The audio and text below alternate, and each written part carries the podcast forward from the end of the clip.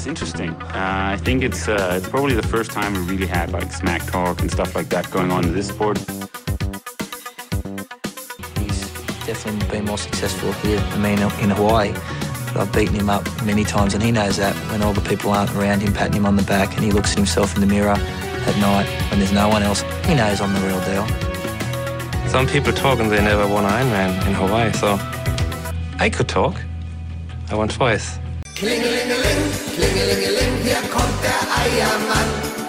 Klingelingeling, kommen Sie alle, alle an die Eier ran. Bei Jung und Alt und in der Stadt und auf dem Land sind wir als Eiermann und Eiermann bekannt. Klingelingeling, klingelingeling, hier kommt der Eiermann. Klingelingeling. Thank you so much for uh, showing up on the, on my podcast. Have you ever heard about the Triangle podcast before? Has the rumor reached Germany yet? Well, I don't know if it has reached the, uh, the Germany yet because I'm barely ever in Germany, really. But uh, yeah, I've heard of it before. Of course, you, you know that uh, I had Maya staying over when you had the podcast with her uh, down from Girona. So, but I, I heard I heard about it before, and um, man, thanks for having me. Um, I actually feel the pressure looking at the names you had on there. I have Yeah. no idea how I found my way there, but thanks for having me. Actually, um, the reason, uh, besides that you are an awesome uh, athlete and uh, announcer, is that I'm uh, this year doing a bit of announcing myself. Actually, I'm going to uh, announce uh, and speak uh, the World Championship in uh, Fyn. Ah, So, fantastic. uh, so I'm Awesome, looking- with Klaus. Uh, yes, exactly. Uh, Super. So uh, and also uh, in yeah in Herning uh, later this year. Yeah. So uh, maybe you can give me some tips. So that, that would be great. Oh man, I wish I could be there with you. Klaus asked me to be there, but it just does not work with my announcing schedule. So uh, yeah, true shame. I love the Danish races and, and I love Klaus races and love Denmark. So it would have been awesome to go to be back there. And it would have been cool to do it with you. But uh, sure thing. Yeah, I'll, I'll give you some pointers. Yeah, I will hope uh, to uh, to reach your level one day. Then we uh, we might work together. But uh, let's talk about that, this after the podcast. Um, Sure. Uh, Till, you lived in uh, in Denmark uh, for a couple of years. Uh, would you? indeed. So, uh, w- would you be able to do the interview in Danish if uh, if we uh, weren't so happy about speaking uh, English? Shame on me, unfortunately not. Um, due to a combination of bad excuses of being on the road and wanting to learn Danish in school and then actually not being there for wintertime and maybe being a little bit of a lazy bugger in between, I learned close to no Danish, unfortunately. Okay. Very sadly. But as an announcer, how many uh, language uh, do you speak fluently, and uh, how many languages uh, do you know? Do you know, know the most common words? Um, you know, I really just uh, speak English and German. Um, I do most of my gigs in English and German, and uh, I'm now uh, currently I'm taking Spanish lessons. I got a private teacher when I'm down in Girona, and uh, plan is to pretty much be fluent by well, it's, it's I'm probably not going to cut it for this season really, but be fluent uh, definitely for next season on the microphone in Spanish. We are looking forward to that. Uh, so, uh, Till, uh, you are right now in uh, your home area in Kraichgau, Germany, because there's a 70, 70.3, but uh, you also managed to get a race in yourself. Actually, you just came back for the award ceremony. Did you take first prize like like last year? I did not. Oh. Um, Bugger. Yeah, it, it, it was our like in our hometown. I live in one of those beautiful little towns in the south of Germany with like a thousand people here. And since we don't know what to do, we come up with a reason to celebrate and drink pretty much every weekend in summer. And so our annual run up to the castle is one of those great excuses. A race I've been doing ever since I was probably six years old. And last year I could win it for the first time, and this year due to a combination of I literally got 62 kilometers of running in this year before doing it, and I might or might not weigh six kilos more than last year. I had to I had to settle for second place. Okay, so it's not because of uh, a lot of fast Africans found out about the race and uh, and wanted to collect the money. No, it wasn't because of fast Germans who know about the race and just raced faster than me. No. Cool. hate when that happens. yeah, me too. Uh, okay, uh, the 70.3 uh, in your home area. Uh, it's race week, and I think it's it's actually the first one this year for you announcing, right? It is the first one. Yes, it's uh, it's the first year in oh bugger, I would say six or seven years that I've not been on Lanzarote for Ironman Yeah. for either announcing or racing. So yeah, this is this is the first triathlon of the season for me. So when you're going into a race like this, um, how do how do you usually prepare? Do you uh, like uh, learn all the names by heart, or or do you just uh, pick out uh, a few great stories, or, or or what does a typical week leading into a race look like for Mr. Till Schenk? Well, it differentiates a little bit, to be honest. Um, in an ideal world, so this is what I'm going to have for this this race, for example. Um, I get a bit of prep work in probably about a week before the race. Anytime sooner really doesn't make too much sense, especially for press conferences and stuff like that, because um, you never know who's going to pull out in terms of pros or who's going to be in the race and everything.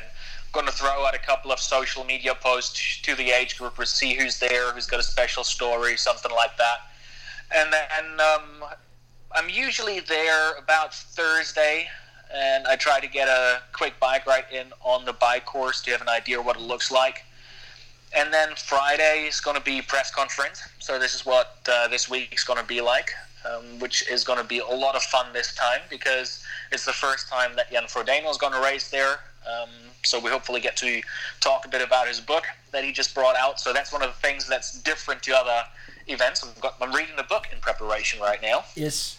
Um, and then it'll be uh, race briefings, athletes briefings probably on Saturday.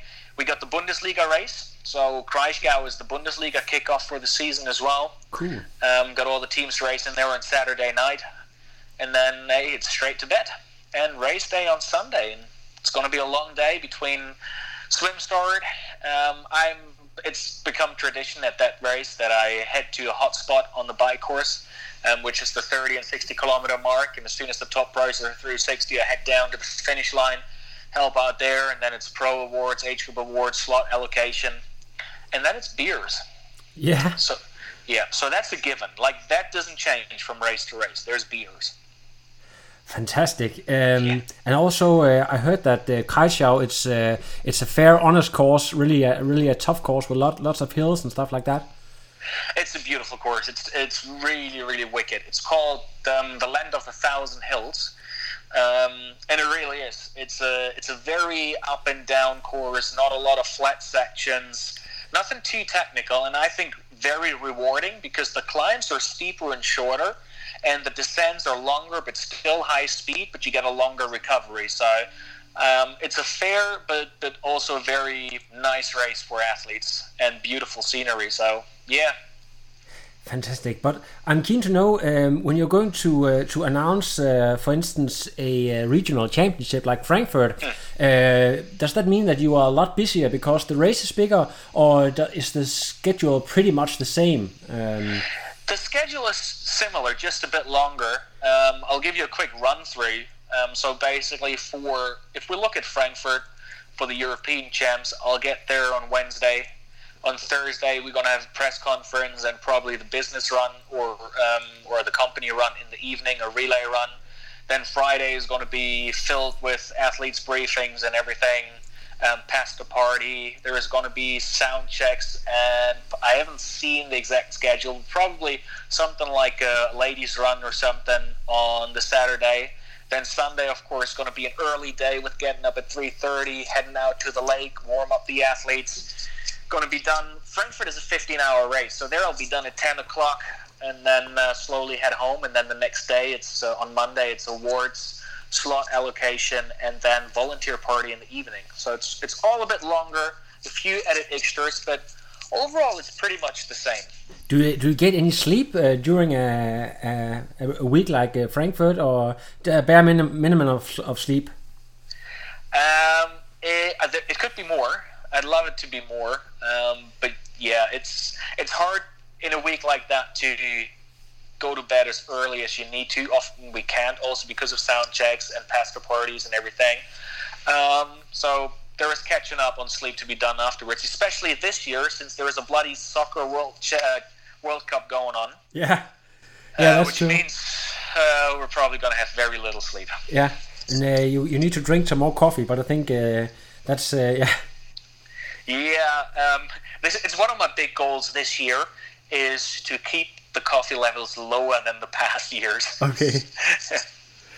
um, well, let's uh, go back in time a little bit because uh, maybe uh, Till you can you can tell us about uh, how you you uh, got into the announcing business in the first place. Uh, is that a sort of a coincidence, or was it was it a, a goal you uh, sort of uh, chased um, to become an announcer? Um, I think it, I always wanted to be an announcer. Um, I think triathlon was, I know triathlon was pure chance, really. I had very different plans. Um, I wanted to be an announcer as a child already, but I'm grown up in a fairly conservative family with the whole shebang of, boy, you got to learn a proper job first because do, before doing this nonsense.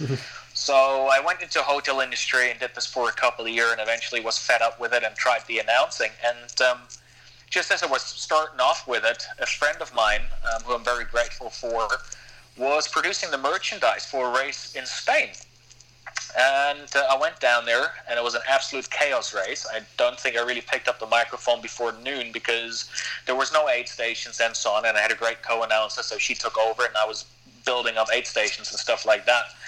But fortunately, I had another race organizer there who uh, liked what I did, and he asked me to do his race. And then a couple of races followed. And I think really the big stepping stone for me is that uh, through a recommendation by a friend, one of the great, great people in Ironman racing and Ironman um, organizing, and probably one of the most influential people in, in triathlon racing in Europe, Kenneth Gasque at Ironman Lanzarote, Yeah. took a chance and allowed me to uh, announce his race. And with that in hand, I was able to go to Kai Walter, who was the Germany boss for Ironman at the time. And I approached him at the Triathlon Awards in November and said, Hey, you know what? I announced an Ironman race on Lanzarote. I think I should do more. and uh, he gave me a chance in a, in a hot zone um, the year later at Ironman Frankfurt. And apparently it worked out nicely. And that's how I got into really full on triathlon announcing then. But uh, yeah, a couple, couple of stepping stones and a couple of people to really gra- be grateful for. So, is there a certain time uh, where you where you thought to yourself, "Wow, I really make it big uh, here. I uh, I'm I'm sort of uh, I'm really turning in this into a career." Was it when you uh, when you went to Germany uh, in, Frankfurt, or, or was that already back at Lanzarote?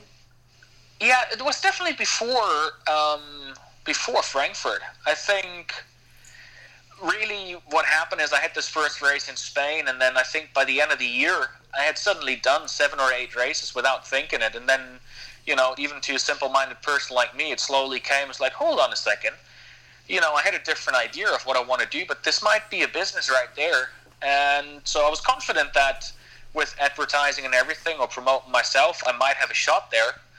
And then, uh, yeah, that opportunity at Ironman Lanzarote came along, and um, I was hopeful at that point already, but that was definitely a big one then. So when you're sort of uh, building up a brand, um, how do you how do you what do you call it? Um, put a price on yourself on, on what you do is th- because there's not a lot of, of you guys out there there's you know everyone knows mike reilly out there uh, uh, who uh, speaks in hawaii every year but uh, you're not uh, there's not a lot of announcers around the world so how do you put a price on, on what you do uh, did you get anyone to, to help you with that uh, the business side of it Yeah, it's an interesting one. Um, you know, fortunately, I'm from Germany, so I'm I'm not grown up with the mentality of countries where you don't talk about pay or anything. We're, we're fairly straight up there. We don't mind asking, um, and so I don't either.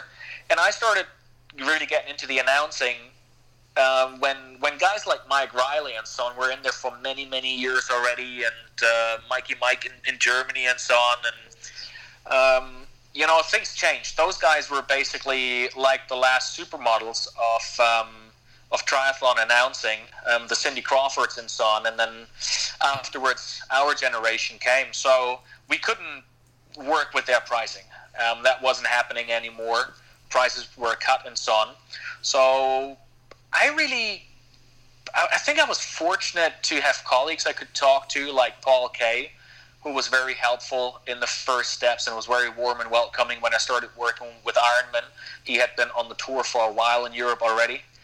Um, so he's been very helpful there. But also the race organizers I worked with were very honest, very fair with their pricing.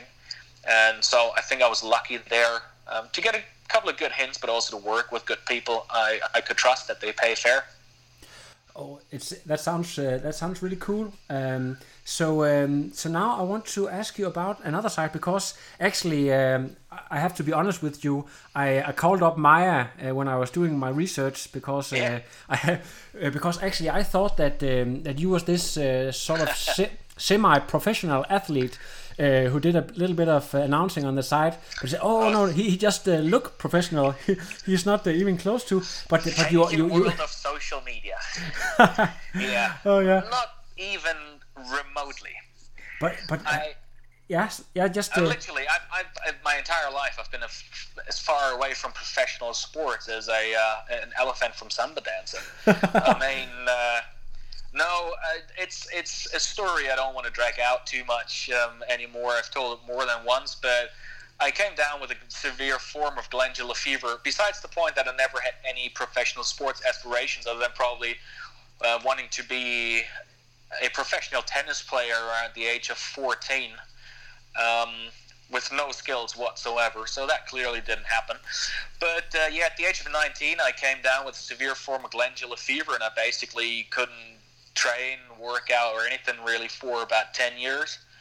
Um, if, if I was training three days straight, I'd be sick for two weeks. Um, oh, wow. at the beginning, I had to sleep about 14 to 16 hours a day for the first two years and so on. So there was no thought about sports or racing or anything like that. And um, then after 10 years, I found somebody who was able to help a little bit. I was actually told by doctors that I'll never do endurance sports again. So after 10 years, my, my fuck off reaction to them was, I'll prove you wrong, I do an Ironman. And with that in mind, I had to find a way to do that. And then I found a coach, um, tremendous lady, who was able to help me with that. And then four years later, I did Ironman Lanzarote, uh, Ironman South Africa, Yeah. Um, which was my first. So that was only 2014, really. So Okay, so that's pretty new to you, actually. that is pretty new to me. I before that I had done maybe two half distances, which I should not have done, but I wasn't really a smart kid, so I did them uh, while being very sick and got very sick afterwards again. Yeah. um, part of the learning process. But yeah, so now not even remotely um, But close to professional sports. But either way, you uh, you look pretty fit. Uh, also on social media. So I'm, I'm keen to know um, when you have a crazy uh, busy schedule during uh, uh, summertime. Um, how, how do you manage to to get in a little bit of uh, workout, or do you just eat healthy and yeah to manage your, your weight and stuff like that? Is there any tips there you can do? You bring along your bike or jog a little bit in, late at night, or what do you do? Well, reality is, and this is a really good insider tip for social media and Instagram and everything. Um, the first four years in school, I was actually listening, and one of the subjects um, taught me how paper mache is made. So everything that looks fit on me is basically made of water, glue, and newspapers. um, no, it's I've stupidly tried to um, race through my announcing season and so on in the past couple of years and had to learn the hard way that that doesn't work. So since last year, I'm going with a little bit of a different approach, which is uh, which is working a lot better. Which is I ride my bike when I'm at home, and I have a chance to ride my bike there, and I have it there. And if I find the time to run a little bit, like now on off days between gigs, I'll run a little bit. Um, I'll, I'll try to stay away from too much bad food but that's pretty much it. Um, it's it's a small constant that just I'm trying to work in, but there is not that much happening, um, really. So I look, I usually look a lot fitter than I actually am. Okay, uh, it's it's a good thing that you're honest there, at least. Well, yeah, it's, uh, um, I had to learn that. I've been told for many years by smart people in my life that I should not try to race mid-season, and um, I was quite oblivious to it. But I learned my lesson there. So, But yeah, I, I had to learn to be honest to myself there. But uh, you have actually, uh, when it's not, uh, uh, what do you call it, um, not on season, but uh, yeah, Yeah. in in the uh, in the beginning and the end of the season, you have done uh, quite a few cool events like uh, Yeah. racing on Maui, and you have done the Cape Epic, which is this uh, super cool uh, mountain bike event down at South Africa. Some people might remember that Sebastian Kienle and uh, Ben Hoffman did it uh, this year. Yep. Yeah. So, uh, um, is there any other bucket list races like that uh, on the schedule, or was that uh, sort of what you, uh, yeah, dreamt of? You or? know, there there is a couple of bucket list races out there that I want to do at some point in my life. Um, but I've gotten to a point now where I also want to do a lot of sportive bucket list things that are not necessarily races. So, for example, definitely something I want to do at some point because it's it's here after doing Cape Epic and Cape Epic being an absolutely fantastic experience. I want to do Swiss Epic and I want to do Pioneer in New Zealand. Um, Swiss Epic is five days through the Alps in uh, Switzerland, and Pioneer seven days through New Zealand. Um, that's definitely something I want to do at some point, but I don't have a timeline on it. Right now, I really like if you look at today, you know, it's I, I run up a castle with great people and then run down the mountain and there is a vineyard ahead of me and the sun is setting and so on. Um, that's pretty much what I'm really gunning for right now. Just happy moments out in the running shoes or, or on the bike. So, uh, Ironman Hawaii is not uh, on the table for now. Um, no, Ironman Hawaii is not on the table for now. Don't get me wrong. Ironman Hawaii is a is a is a fantastic race, and I'm sure it would be an unbelievable experience to experience from an athlete's point of view. Um, I had the the joy of experiencing it from a semi-working point of view before my announcing times. Actually, I was working with one of McCormack's sponsors over there, and it was fantastic to see. But um, Hawaii is at the end of my season, and so yeah, it's it's not on the bucket list at all because I am not willing to train and focus as hard as I would have to. Like even if I would qualify in an early season race, I don't want to put the effort and the work and everything it requires into training throughout my announcing season uh, to then race Hawaii. Um, I've tried that, and it is not worth uh, the the toll it took on me and the price I had to pay for it. Sounds like a wise decision. Um, maybe we could talk a little bit about uh, you moving to Girona because uh, Sure. that, uh, you have you have been living there for is that is it your first year? Uh, It's my first year. Yeah, I moved Yeah. down there just after my, uh, announcing Mallorca Marathon last year. So sometime, probably last week of October last year. So uh, did that have anything anything to do with uh, a certain Jan Frodeno moving down there, or you didn't uh, coordinate your schedule there? Um, no, I mean, you know, of course, Jan Frodeno is probably the one who made Girona famous for people living in Germany and, and uh, connected to triathlon. But really, the story is that I, I have a really great friend I met back um, when announcing Ironman Lanzarote. He was working over there, and we hit it off. And um, you know, my time in Denmark ended, and I was looking for a place to live after spending the season on the road. And um, I've gotten to a point after spending a huge deal of time on the road for five years that I just wanted to just slow down a little bit and really build sort of a home base. But I'm not very German on the inside. I don't have this very tied up and super organized and everything by the rules and, you know, kind of thing. And I wanted to have something that um, is great for sports and that offers all right weather through winter. And my mate down there was like, hey, Girona perfect. Come down here. So I came back from Mallorca on Thursday. I loaded my stuff in the van from my storage locker on a Friday. And I drove down on Saturday morning. I hopped in the car at uh, 5.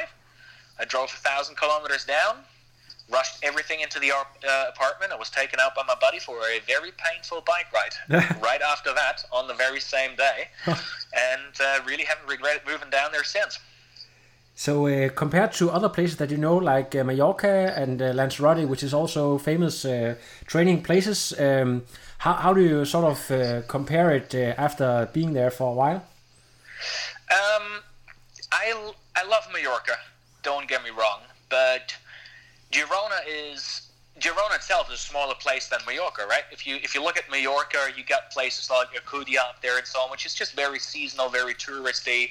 Um, and Palma is is becoming more and more of a hub for triathletes as well. But you got all the tourists and, and Ballermann and everything around there as well. Girona, however, is a it's got that small town flair that offers everything you want. It's an absolutely beautiful, stunning city with a great old town and everything. And you got an enormous expat community um, with fantastic social life.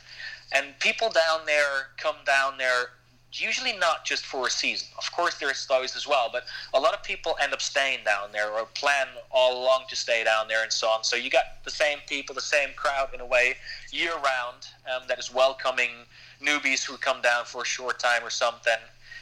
And in terms of sports, you got a, a wide choice of pools. You got fantastic running from very hilly to endless flats along the rivers and so on.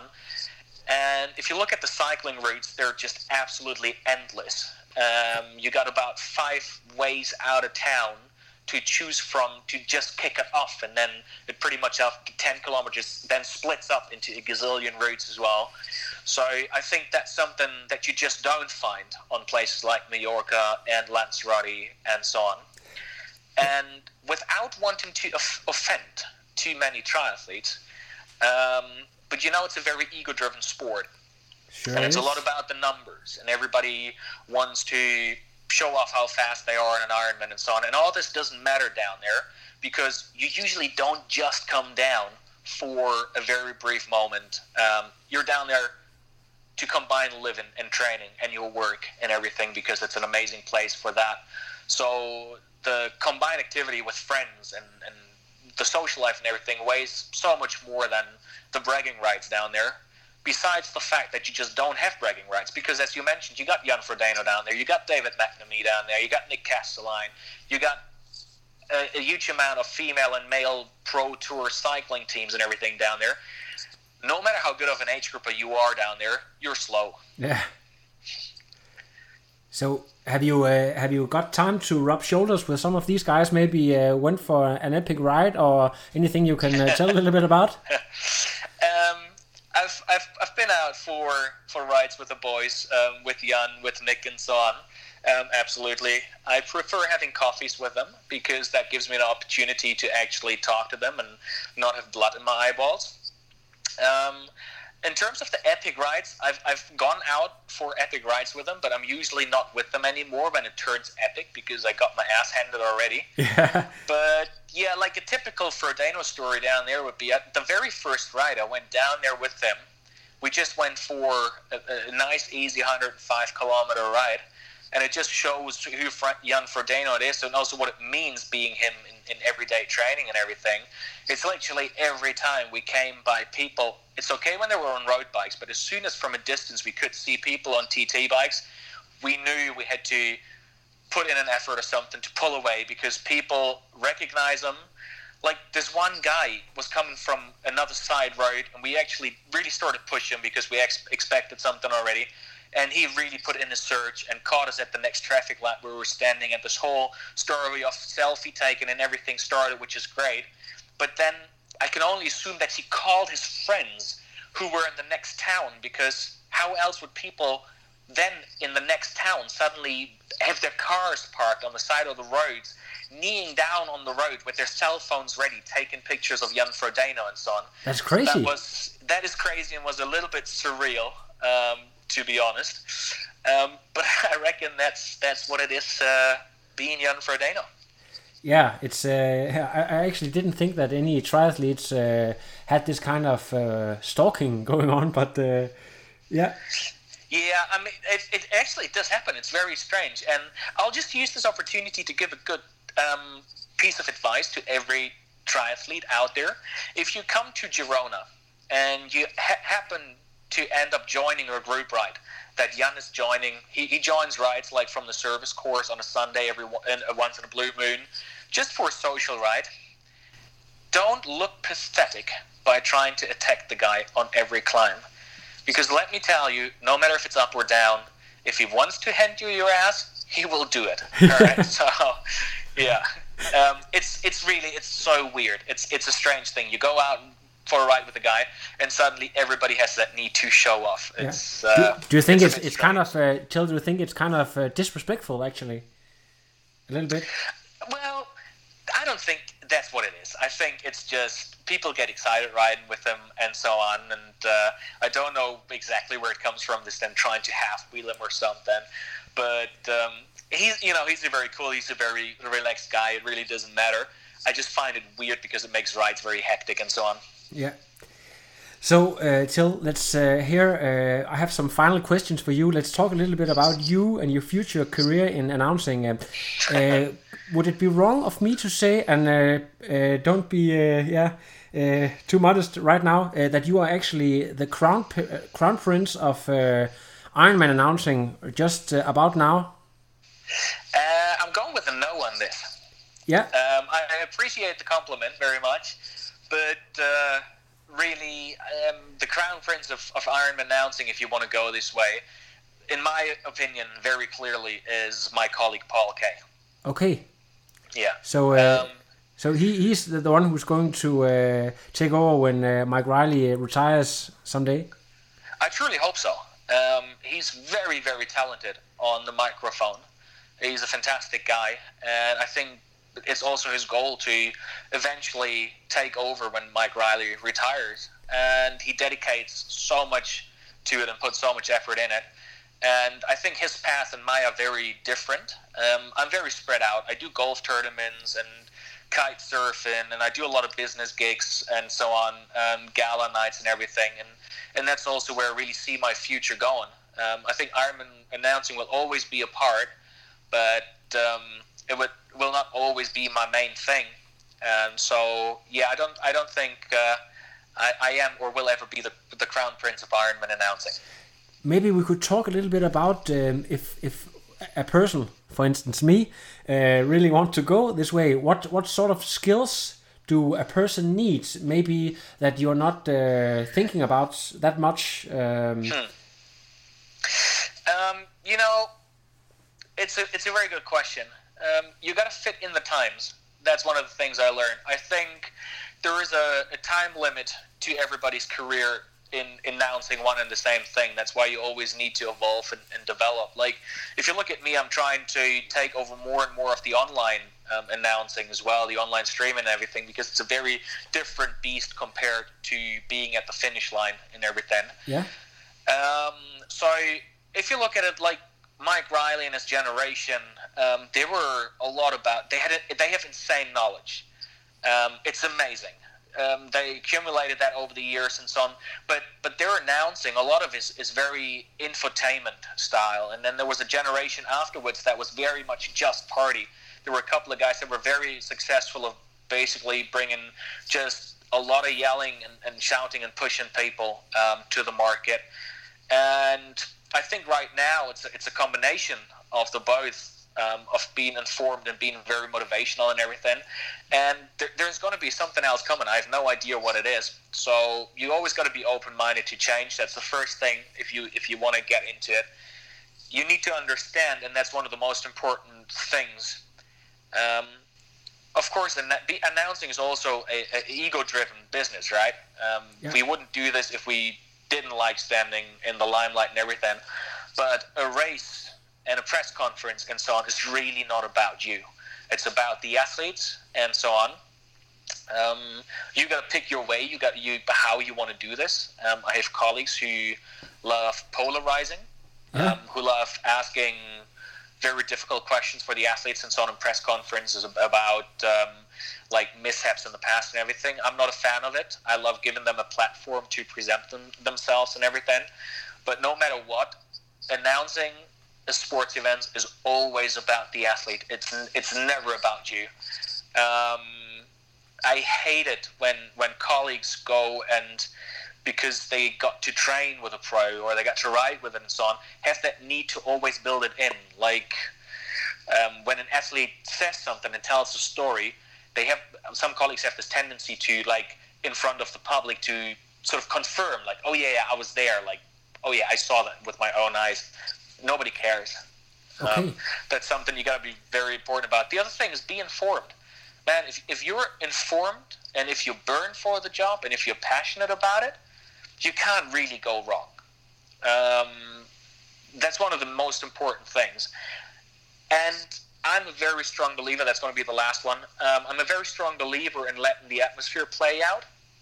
So, announcing, in my opinion, is not about talking nonstop. You can let the music play. You can. One of the greatest moments for me in a long day of, of announcing races is, for example, at Ironman Frankfurt. The final hour will be taken over by our media partner. Yeah. Um, it's what's tradition down there. So basically the last hour my colleagues and i don't really have a job. So what we do is we go down to the finish chute and we mirror athletes. If somebody runs down excited and fist pumps we look at him and we fist pump back. And if he high, wants to high five we high five high, five them. And that special moment of special attention to the athlete um, is amazing how you see their, their faces light up and it gives yourself as an announcer so much energy so there's so much more to the job and how to do the job than just talking. That sounds amazing.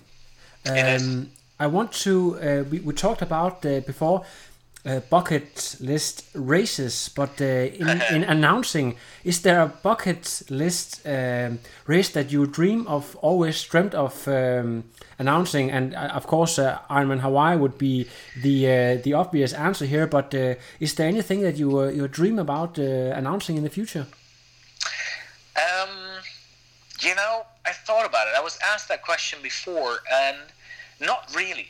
Um, it's a weird thing. Ever since starting announcing, I wake up so often and say I have the best job in the world. I absolutely love what I'm doing. So for me, going to Kraichgau and starting the season in a race that I actually started racing before I announced it and everything, I have all those memories with, is just as amazing as announcing, um, you know, a European Championship race or something like that. But if I had to pick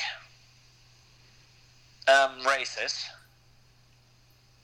Yeah. one big dream out there, I would say the one thing I would pretty much drop everything for would probably be in some way involved, maybe on site or for a live stream at the Olympics. Oh yeah. Just to see and feel from the inside what it's like. Yeah. So uh, Yeah. Why why did uh, German television uh, didn't call you during the Olympics? Is that because uh, Germany didn't had uh, you know uh, so much focus on uh, the Olympics uh, the last year because of yeah you know uh, they're more Ironman focused or Um, I think the German television had a big focus on the Olympics. They just didn't have a big focus on me, which is only fair. yeah Um, you know, it's the way it works with announcing the Olympics is that usually the announcers and then the experts as well have sort of a frame contract. Um, so they they get paid per year for a certain amount of events, and therefore, you know, very often you'll pick somebody for announcing there who is already paid or anyways um, both accounts for the announcer and the expert um, i think it's a very bad way of doing it and a very cheap way of doing it it gets us into bad situations like 2012 for the olympic triathlon in london where we use a, a former national swimmer as specialist for a triathlete Yeah. and you have to to listen to dumb stuff coming out of her face like watching the swim and saying things like oh i'm really surprised you can actually see they practice swimming you go like no shit sherlock did they now really um, so yeah so it's a tricky one to get into and um, I don't know. You know, I'm very happy with that, where I am with the events and everything. So I think Olympics would be a lot more interesting to do on site for the event than actually doing it for television. yeah. Um, Till, you have been uh, very generous with your time. I have one final question for you, and that's sort of um, maybe we could talk a little bit about your 2018 program. Uh, if you could give a, a highlights of of uh, your tour. Uh, you, you're starting with uh, as we already talked about, but uh, what's uh, what's the highlight of, of the year for you? I think I have a couple, really. Um, Kraichgau was amazing, and then I'm very much looking forward to end of June because I have the pleasure to uh, announce the very first Ironman 70.3 Finland in Lahti, which will be my very first trip to Finland, A. And B, it's a very unique race because it's just the weekend after Midsummer, which means we'll be kicking off the event with a start at 4 p.m. and we'll be finishing still in daylight at midnight. Um, so that's one combined with going to Finland I'm very much looking forward to Yeah.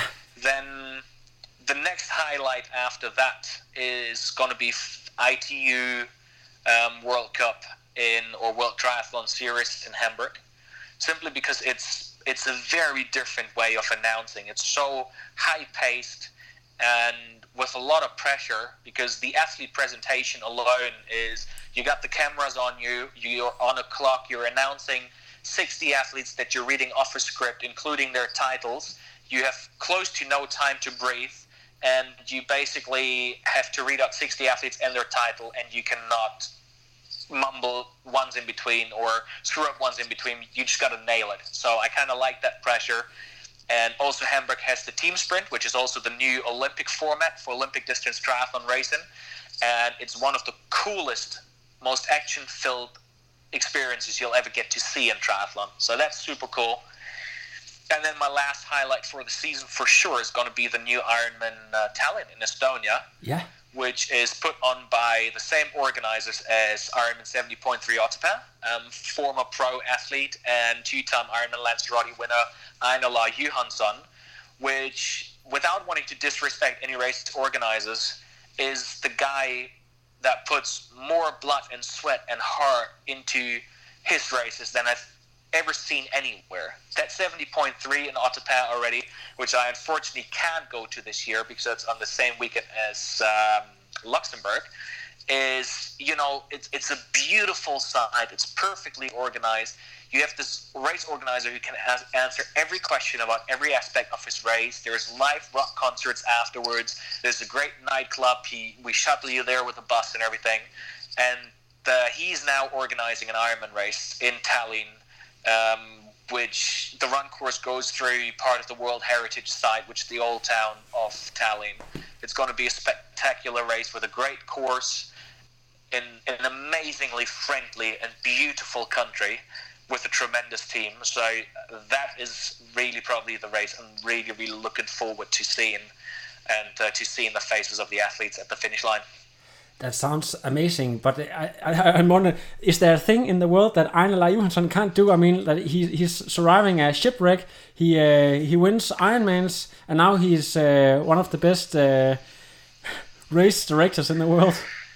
Well, getting to know Ain-Alar, um, who's the guy, by the way, at some point you should have on your podcast because he's a he's an amazing guy to talk to. sure. So humble, so knowledgeable, and so full of great stories. Um, no, I don't think there is anything he cannot do. Um, because he only got into triathlon because he was told he cannot do that because of his weight and size. And then he got into triathlon, and then he was told, well, he needs to race flat courses. He cannot win an Ironman on a hilly course. So he went to Lanzarote and won Lanzarote twice and so on.